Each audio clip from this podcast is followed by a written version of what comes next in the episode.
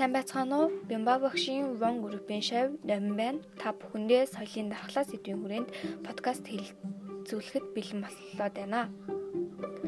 Хэл бол улс үндэстний соёлын төдийгүй оршин тогтнох гол дархлаа мөн.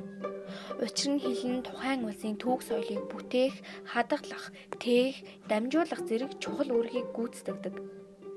Гэвч чихний чимэг болсон аялгау сайхан монгол хэл минь өдрөөс өдөрт үн цэнэ алдсаар л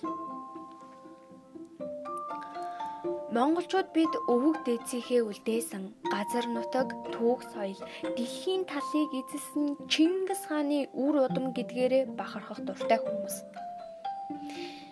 Гэхдээ бид тэдгэрийг хадгалж хамгаалж чадаагийн улмаас устсах аюул хаяанд ирсэн байна хил хил мал гуравтайгаа байхад хэн баян Монгол баян гэдэг үг хоосон үг биш.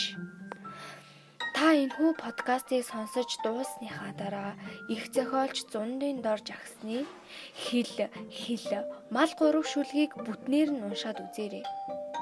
Монгол хүний үн цэн чухам юунд оршдог бидний хайрлаж хамгаалах хамгийн чухал зүйл юу болохыг танд ойлгуулж харийн соёлд автаж харлахан болсон сэтгэлийн мэлмийг танд нээн гэж найдаж байна.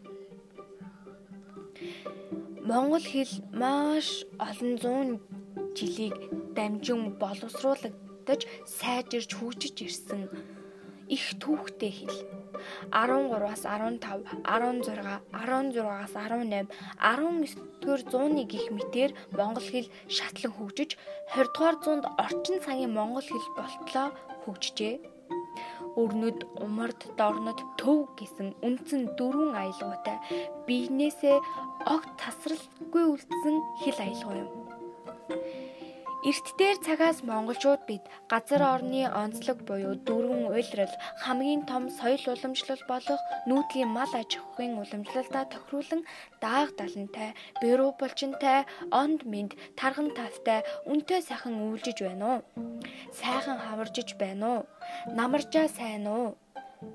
Сайхан зусч байна уу гэх мэтээр амар мэндэ мэдлцэх их өв соёлтой арт түмэн өнөөгийн нийгэмд ихэнх иргэд суурин аж ахуйтай болж хүн бүр мал малхаа болсон болоод ч тэрүү мэдлэг яс хүртэл өөрчлөгдөжээ. Монголчуудын ихэнх хувийг эзэлдэг залуус нь хай WhatsApp гэх мэтэр харь үгээд бие биентэйгээ мэдчилдэг. Та зүгээр л хотын гудамжаар алхаж явахдаа эргэн тойрноо ажиглан хараад хүмүүсийн яриаг чих тавин сонсоод үзээрэй. Хаасаагүй гадны нэр томьёо бүхий мини маркет, шоп, сервер, офен гэсэн хаяг тэмдэгтүүд бүх байшин барилга объектуудын нэр нь гадаад хаягтай. Хүмүүс нь таван үгнийхээ хоёрт нь хариуг хавчуулан ярилцдаг. Гар утсаараа зурвсаар харилцахдаа хүртэл кирилл үсгээ биш латин үсэг ашиглан бичиж цахим шүлжээнд миний орон зай эрх чөлөө гэж уурсан ямарч найруулга дүрмгийн нийтлэл зурвсуудыг бие биендээ түгээдэг.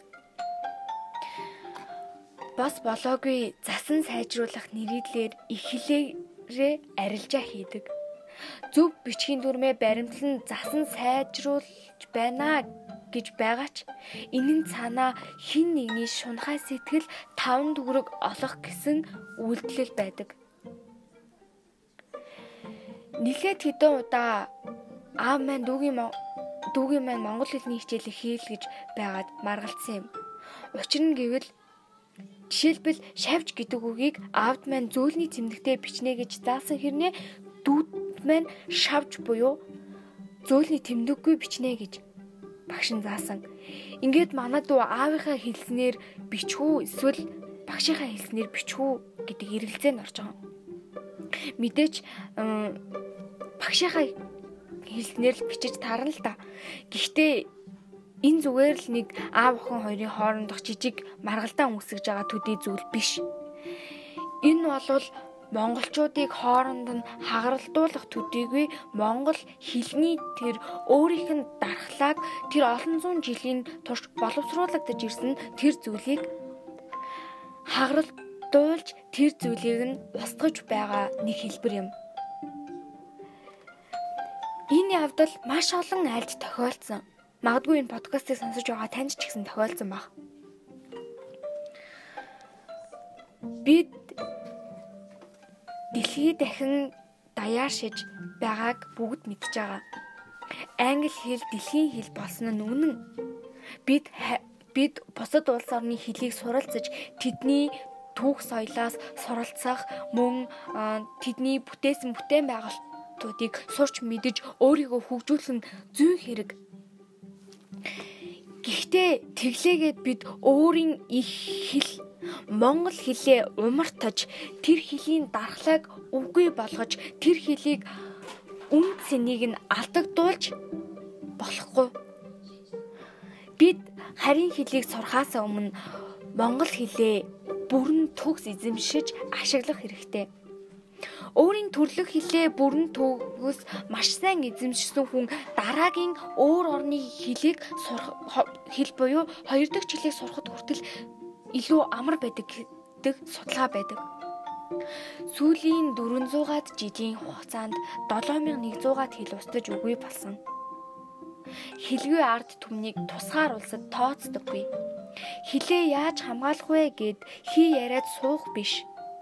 Та, би, бид хоорондоо ядчил амар мэндэ монголоороо мэдэлцэж мэдээллээ монгол их хэлээрээ зөв дүрмийн алдаагүй, утга зүйн алдаагүй түгээж харилцах нь бидний ихлээ мөнх оршин тогтнуулах Монгол улсынхаа тусгаар тогтнолыг хамгаалан бэхжүүлэх том үйлсийн нэг хэсэг болж түнд хувь нэмрээ оруулж мэ хэрэг билээ.